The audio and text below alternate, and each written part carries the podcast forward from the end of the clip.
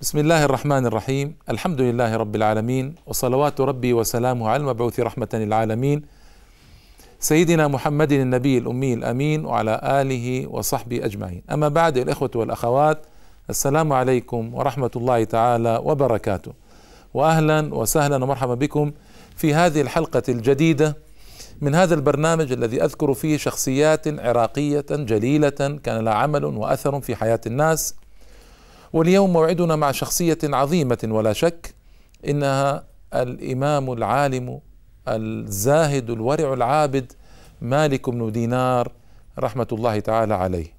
وهو ممن شرفت به أرض العراق ومن وهو ممن يفتخر به أهل العراق. مالك بن دينار معدود في ثقات التابعين الكبار يعني هو من التابعين الكبار العلماء العاملين والزهاد الورعين. رحمة الله تعالى عليه. وكان مولا وهنا نريد أن نتوقف قليلا. كم في الإسلام من موال وصلوا لأعلى الدرجات؟ هذه نقطة مهمة وأرجو أن يتنبه لها إخواننا وأخواتنا لأسباب سأذكرها الآن. يعني هناك موالي بلغوا الغاية في العلم والغاية في العمل وبعضهم وصل إلى درجة أن يكون واليا وحاكما على الجهات أو على بعض الجهات وكم منهم من علماء في التفسير والحديث والفقه واللغة والنحو والشعر والأدب مع أنهم كانوا موالي. وهذا يدلنا على أن الإسلام طبق فعلا هذا التساوي المنشود بين الناس. جاء به الإسلام ولم يأتي به نظرية بل أتى به عملا مطبقا في الأرض. هؤلاء الموالي وصلوا إلى أرفع الدرجات وأعظمها. مع أنهم موالي. لكنهم مع ذلك سبحان الله العظيم بالإسلام العظيم بلغوا أعلى الدرجات. وهذا يدلنا على أن حقوق الإنسان حقا إنما هي في الإسلام. وكان العبيد في الحضارات المجاورة كانوا لا يحلمون بعشر معشار ما عليه العبيد في الإسلام والموالي بعد ذلك. وكانوا يعاملون معاملة غاية في السوء. وكانوا يظلمون وكانوا يضربون وكانوا يقتلون وكانوا يعذبون. بينما كان العبد في الإسلام له حقوق وكان مكرما فإذا أعتق وصار مولى وصل إلى درجات عالية إذا أراد وإذا كان صاحب همة وإذا كان صاحب عمل. وهذا كثير يعني لو جلست أذكر لكم من من الموالي صار من العلماء وصار العباد والزهاد والولاة والكتاب والشعراء والأدباء والبلغاء لعددت لكم مئات من هؤلاء ولو قرأتها قراءة لبلغت آلافا من التاريخ الإسلامي. هؤلاء الموالي وصلوا إلى درجة جليلة ورفيعة. واليوم إلى عهد قريب كان العبيد يسامون سوء العذاب في الحضارات المجاورة. يعني نحن نعلم أن البلاد الغرب وأمريكا على وجه الخصوص استمرت فيها العنصرية ضد العبيد إلى أواسط القرن الفائت. يعني إلى الستينات الميلادية من القرن الفائت كانت هناك عنصرية عجيبة ضد العبيد في أمريكا. بل إلى أيها الإخوة والأخوات إلى التسعينات من القرن الفائت كان هناك معاملة سيئة جدا للسود في جنوب إفريقيا. معاملة عجيبة وعنصرية إلى الغاية. بينما في الإسلام نحن نعلم أن هؤلاء وصلوا إلى درجات عالية وعالية جدا من العبادة والعلم والزهد والمنزلة في الدولة الإسلامية. فهذه مقدمة لابد منها عندما أقول إن مالك من دينار كان مولى لا يعني ذلك أنه طعن فيه أو أنه غمز في شأنه معاذ الله بل ذلك إنما هو لبيان كيف وصل هذا المولى إلى هذه الدرجات من العلم والزهد ووصل الموالي إخوانه من هذا إلى درجات عليا أيضا من العلم والزهد واللغة والأدب. فرحمة الله تعالى عليهم جميعا. مالك بن دينار كانت صنعته في كتابة المصاحف. كان ذلك بلغته بلغته في الدنيا. وكان يكتب ويبيع هذه المصاحف وكان يعيش بهذا. وكان جماعات من السلف لهم حرفة. يحترفون لا يرضون أن يعطوا من المال هكذا بل كان لابد لهم من أن يحترفوا ينزلون إلى سوق العمل. فكان منهم القفال صانع الأقفال قفال الشاشي الإمام الكبير. كان منهم النجار كان منهم الحداد كان منهم الزجاج كان منهم الفراء كان منهم الخراز كان منهم الخزاز كان منهم البزاز. يعني كان هؤلاء يعملون ينزلون سوق العمل ويعملون ويشتغلون ويكسبون المال. لذلك كان هذا منتشرا في زمان السلف. في عصور الانحطاط كانوا المسلمون ينظرون إلى هذه الأعمال نظرة دونية ورنا لا تليق بهم. لذلك تخلفنا وارتقى غيرنا. هذه هذه مصيبة ومشكلة. واجهتنا في عصور الانحطاط أن كنا ننظر إلى هذه الأعمال نظرة علوية ونظر على أنها شيء دون لا ينبغي أن نخوض فيه. لذلك أصبنا بما أصبنا به بعد ذلك من انحطاط وارتقى غيرنا بعد ذلك.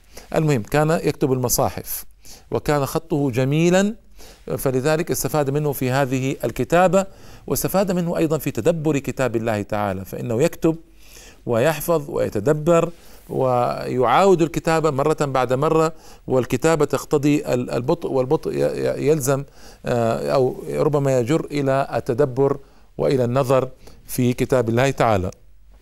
وكان له كلام جميل يعني كان له مواعظ جميلة رحمة الله تعالى عليه. فمن قوله قال منذ عرفت أبناء الدنيا لم أفرح بحمدهم ولم أكره ذمهم. لماذا؟ لأن حامدهم مفرط وذامهم مفرط وهذا هو الواقع.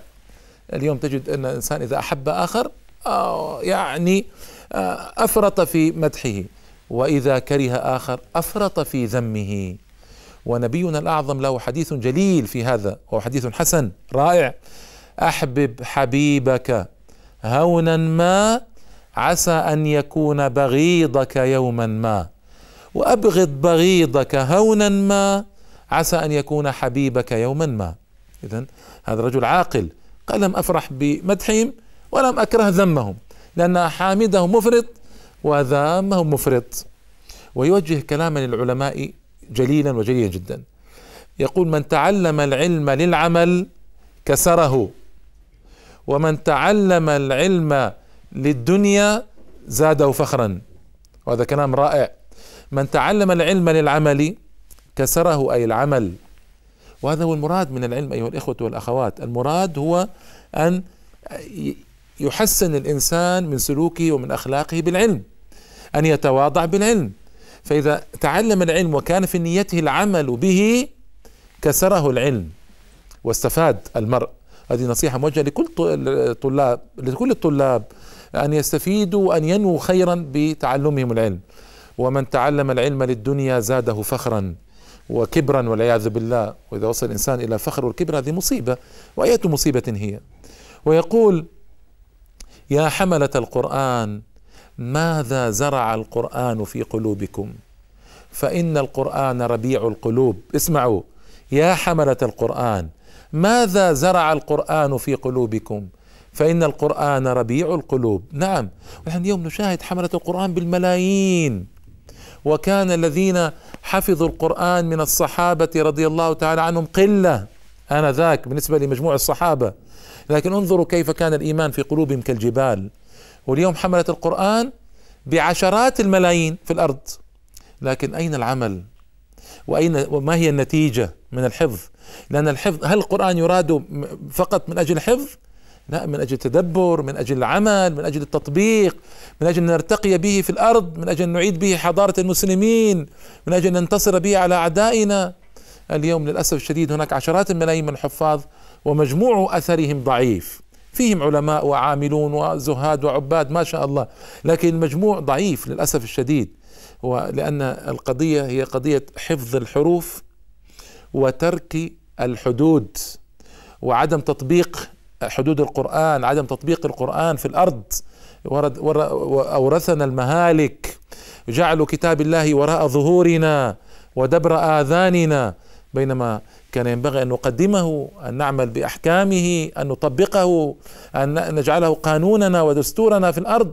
لكن للأسف الشديد اليوم بلاد الإسلام أكثرها يحكم بالقانون الإنجليزي والقانون السويسري والقانون الفرنسي. أعوذ بالله من كان يظن في يوم من الأيام أن بلاد الإسلام تحكم بهذا؟ نسأل الله السلامة والعافية. لكن هذا الذي جرى في الأرض اليوم. لذلك هو يخاطب حملة القرآن. يا حملة القرآن ماذا زرع القرآن في قلوبكم؟ فإن القرآن ربيع القلوب. واسأل نفسك أخي واسأل نفسك أختي هل القرآن ربيع القلب حقا عندكما؟ هل هو كذلك؟ وهذا السؤال يكفي. كان له مواعظ جميلة مع الولاة والحكام. دخل يوما على والي البصرة. يقول له البصرة ادعوا لي يا مالك. قال اسمعوا كيف. كان السلف كانوا كانوا بمنزلة من العقل والحكمة عجيبة. ادعوا لي يا مالك. قال كم كم من المظلومين يدعو عليك؟ اسمعوا كيف حول القضية لأن اليوم يكثر عند بعض العصاة والمذنبين والظالمين. يأتي إلى المشايخ ادعوا لي يا شيخ ادعوا لي يا شيخ ادعوا لي يا شيخ. وسلوكه سيء وهو لا يريد أصلا يصلح هذا السلوك. لا يريد أن يعود إلى الله لا يريد أن يصلح من شأنه ومن نفسه. ادعوا لي يا شيخ ادعوا لي يا شيخ هذه مشهورة عند الناس. فلما قال ادعوا لي يا مالك قال كم من كم من مظلوم ببابك يدعو عليك؟ وينبه الوالي ويوقظه. هذه وظيفة العلماء أن يوقظوا الحكام أن يوقظوا الولاة ينبهونهم. لأن الوالي ربما كان أعمى بسبب الترف الذي هو فيه بسبب المال بسبب المنصب والجاه. فيأتي من يذكر الوالي فيأتي من ينبهه كما حصل له مع المهلب بن أبي صفرة. المهلب بن أبي صفرة شجاع من شجعان المسلمين الكبار ومن قادتهم العظام في الحقيقة. مهلب بن أبي صفرة فتح بلادا كثيرة وكان من شجعان المسلمين. رآه يوما مالك بن دينار وهو يتبختر في ملابس جميلة هكذا ويتبختر ويمشي مشية المتكبرين. قال له يا هذا اسمعوا كيف العلماء كيف يعالجون الناس. يا هذا أما علمت أنها مشية يبغضها الله إلا بين الصفين؟ يعني إلا وقت الجهاد. وقت الجهاد لا هذه مشية رائعة. ترهب الكفار وتلقي في قلوبهم الوهن. فمطلوب من المسلم يظهر العزة أمام الكفار. لكن بين المسلمين التواضع والرحمة. والمشية المتواضعة. قال يا هذا ما علمت أنها مشية يكرهها الله تعالى إلا بين الصفين. قال أولا تعرفني؟ يعني ما عرفت أني أنا المهلب يعني القائد الكبير؟ قال بلى عرفتك. إن أولك نطفة مذرة وآخرك جيفة قذرة وأنت بين ذلك تحمل العذرة. أي الغائط أكرمكم الله. اسمعوا كيف العلماء. أولك نطفة مذرة وآخرك جيفة قذرة وأنت بين ذلك تحمل العذرة. فانكسر المهلب. وقال لقد عرفتني حقا يا مالك. لقد عرفتني حقا. وهؤلاء يعالجون يعالجون الناس بمثل هذا. وكان رحمه الله تعالى زاهدا ولم يتزوج. وهذه نظرة عند بعض السلف أنهم ما كانوا يريدون الزواج. زهدا في الدنيا سمه تطليقا للدنيا لكن ليست هذه هي الحالة الكاملة. إنما الحالة المثلى الكاملة ما كان عليه عليها رسول الله صلى الله عليه وسلم. أما إني أنام وأقوم أو أقوم وأنام وأفطر وأصوم وأتزوج النساء وأتزوج النساء. هكذا كان صلى الله عليه وسلم. وحبب إلي من دنياكم الطيب والنساء. أو كما قال صلى الله عليه وسلم الحالة المثلى هي الزواج. وإذا إنسان إذا إنسان ابتدأ يفكر بمثل هذا التفكير ويطلق الدنيا ولا يتزوج يفنى الجنس البشري أو ينقرض المسلمون بهذا. لذلك الحالة المثلى هي الزواج لا شك الزواج. كما قال الإمام أحمد عن بشر الحافي كان يحبه جدا. بشر الحافي أحد الزهاد ربما نأتي على سيرته إن شاء الله تعالى. كان الامام أحمد يحبه جدا. يقول لكن لو تزوج لتم أمره. لو تزوج لتم أمره. يعني هكذا. وهناك جماعات من السلف لم تتزوج. ابن جرير الطبري الإمام شيخ الإسلام ابن تيمية رحمه الله. مجموعة كبيرة ما تزوجت. لكن كما قلت لكم الحالة المثلى هي الزواج والوضع الأفضل هو الزواج. ما تزوج؟ كان هناك امرأة في البصرة تحبه. يعني تريد أن يكون زوجا لها. وكان أبوها غنيا جدا. وهي امرأة فائقة الجمال. فخطبها بنو هاشم رفضت. خطبها العرب رفضت. خطبها بعض الموالي رفضت. تريد أن تتزوج مالك بن دينار. فقال لها أبوها خطبك بنو هاشم وخطبك العرب والموالي رفضت. وأراك تميلين إلى مالك بن دينار هويته. قالت نعم ما أريد غيره. فقال لابنه لأخيها ورجل عاقل قال اذهب إلى مالك وقل له إن إن المرأة هوتك فشأنك بها. يعني تزوجها. يعرض الأب ابنته وهذا أب عاقل ابنته رفضت أن تتزوج أولئك فطبعا يريد أن يستر عليه يريد أن يزوجها يزوجها فأرسل ابنه إلى مالك بن دينار. وقال له إن أبي يدعوك يتزوج ابنته وهي امرأة فائقة جمال وعنده مال جزيل وكثير. قال أما علمت أني قد طلقت الدنيا ثلاثا ما أريد أن أتزوج.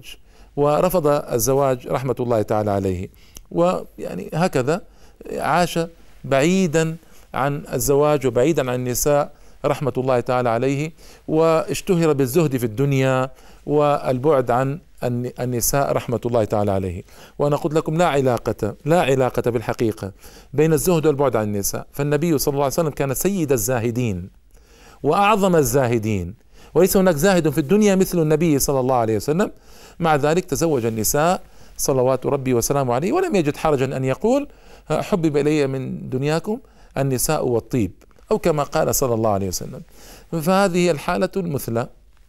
آه مالك بن دينار أيضا آه اشتهر بأنه أحد التابعين من الزاهدين والعاملين. لكن يعني ما روى له البخاري ومسلم.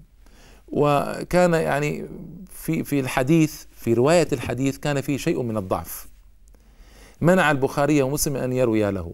لكن بعض الناس ما يفهم هذا. عندما يأتي إلى كتب التراجم ويقال له مثلا مالك بن دينار فيه ضعف في الحديث مثلا فيظن أنه ضعيف يعني مطلق الضعف. وهذا يوصف به مجموعة من العلماء. وهذا خطأ بين. إذا أطلق الضعف مستحيل مالك بن دينار أن يكون ضعيفا. لكن مالك كان زاهدا عالما بالله تعالى عارفا بكتابه عارفا بحديث رسوله صلى الله عليه وسلم. لكنه لم يتفرغ للحديث. يعني ما ضبط مسألة الحديث هذه ما ضبطها. وما فرغ نفسه لها. وهنا الذي نسميه اليوم نحن يا إخوة ويا أخوات بالاختصاص بالتخصص. فمثلا عندما يأتون إلى الحفص عن عاصم حفص عن عاصم الذي يقرأه العالم الإسلامي اليوم تقريبا ما عدا أهل المغرب. يعني يقرأ له قرابة ألف مليون من البشر قراءة حفص عن عاصم. وهذا يعني فخر عظيم وأي فخر هو لحفص لكن إذا جاء في الموازين الحديثية يكون ليس بالقوي ما يكون قويا في الحديث. هل هذا عيب؟ أبدا. رجل اختص بإقراء القرآن. رجل فرغ نفسه لقراءة القرآن وتصدر لقراءة القرآن. فما الضير في هذا؟ ما العيب بالله عليكم في هذه القضية؟ فلا يوصف أبدا بالضعف حفص. لأن بعض الناس يتجرأ ويقول حفص ضعيف في الحديث. معاذ الله. أو يعني ليس بالقوي في الحديث. لا بأس. لكن ما يقول هو ليس بالقوي أو ضعيف. ليش؟ يعني مطلقا لأنه يوهم الناس يوهمون الناس بهذا الإطلاق. ويعني مثلا بعض المنامات رويت عن طريق مالك بن دينار مثلا. فإذا جاء المحقق ليحقق أو كذا يقول مالك بن دينار فيه ضعف. ما يصلح هذا كلام ما يصلح. لأنه كما قلت لكم تخصص في علم لا يعني هذا أنه يعني ضعيف مطلقا هكذا. ما ضبط العلم هذا بس وانتهينا. ما ضبط هذا العلم. هذا أفضل ما يقال عن مالك بن دينار وعن أمثاله مثل حفص آه، ابن أبي سليمان الذي حفص عن عاصم المشهور مثل كثير من السلف كثير. مهروا في علم ولم يمهروا في آخر. فمن من العار علينا والله أنا ارى من العار أن يطلق عليهم الضعف هكذا. إنما يقال تخصص في علم كذا ولم يضبط علم كذا. لا بأس. هذا كلام رائع ومنصف. آه، ولا يعمم الضعف لأن مع عوام عندما يقرؤون ما يفهمون مثل طلبة العلم يظنون أنه ضعيف. ومالك بن دينار يعني آه، ليس في الدنيا مثله إلا قليل وأفراد معدودون في الدنيا مثل مالك بن دينار رحمة الله تعالى عليه. و رأى عددا من الصحابة وأخذ عن كثير من العلماء الكبار منهم الصحابة ومنهم بعض كبار التابعين مثل الحسن البصري مثل سعيد بن المسيب رحمة الله تعالى عليه. وقد عاش إلى أواخر الدولة الأموية. فبعض الرواة يروون أنه توفي سنة إحدى وثلاثين ومئة 131 والدولة الأموية انتهت سنة 32 و100 يعني مات قبل أن تسقط الدولة الأموية بسنة. وبعض العلماء يقولون بعض العلماء منهم الإمام الذهبي وغيره إنه قد مات سنة 27 و100 ما يضرنا الخلاف مع أنه فارق كبير أربع سنوات لكن من طريقة العلماء الأوائل المؤرخين أنهم ما يهتمون كثيرا بضبط الضبط الشديد في الميلاد والوفاة لعامة الرواة. بعض الرواة يهتمون إذا شك في معاصرتهم لرواة آخرين ويحتاجون إلى ضبط الوفاة بينما أكثر المؤرخين آه، ما كان يضبط قضية الميلاد والوفاة خاصة الميلاد. يركزون على علم الرجل وفقه الرجل وفهم الرجل وتوثيق الرجل وما قيل فيه آه، إيجابا وسلبا. فإذا جاءوا إلى التواريخ حصل يعني خلاف كبير. هنا أربع سنوات الفرق ليس قليلا لكن لا يضرنا هذا. ما يضر نحن نحتاج إلى نفهم زهد مالك وورع مالك والكلمات الرائعة التي آه، برزت عن مالك رحمه الله تعالى. وقلت لكم إنه كانت مواعظ جميلة آه، من ذلك أنه كان يقول إن الصدق والكذب لا يجتمعان في قلب إنسان حتى يخرج أحدهما الآخر. إن الصدق والكذب لا يجتمعان في قلب امرئ حتى يخرج أحدهما الآخر. يعني حتى يوصف المرء بأنه صادق أو بأنه كاذب. وهذا طبعا يدلنا على أهمية أن يصدق المرء وأن يبعد عن قلبه ولسانه الكذب والعياذ بالله. آه، هذا مالك بن دينار وتلك أخباره وأرجعكم أيها الإخوة والأخوات إلى كتب تحدثت عنه مثل سير عالم النبلاء الإمام الذهبي والبداية والنهاية لابن كثير وفيات الأعيان آه، لابن خليكان وهكذا كتب كثيرة جدا تحدثت عن مالك وذكرت مواعظه وكلامه الجميل الرائع وأحداثه وأخباره. ارجعوا إليها إن شئتم. والله أعلم وأحكم. وإلى اللقاء إن شاء الله تعالى في حلقة قادمة نتحدث فيها عن شخصيات عراقية أخرى. والسلام عليكم ورحمة الله تعالى وبركاته.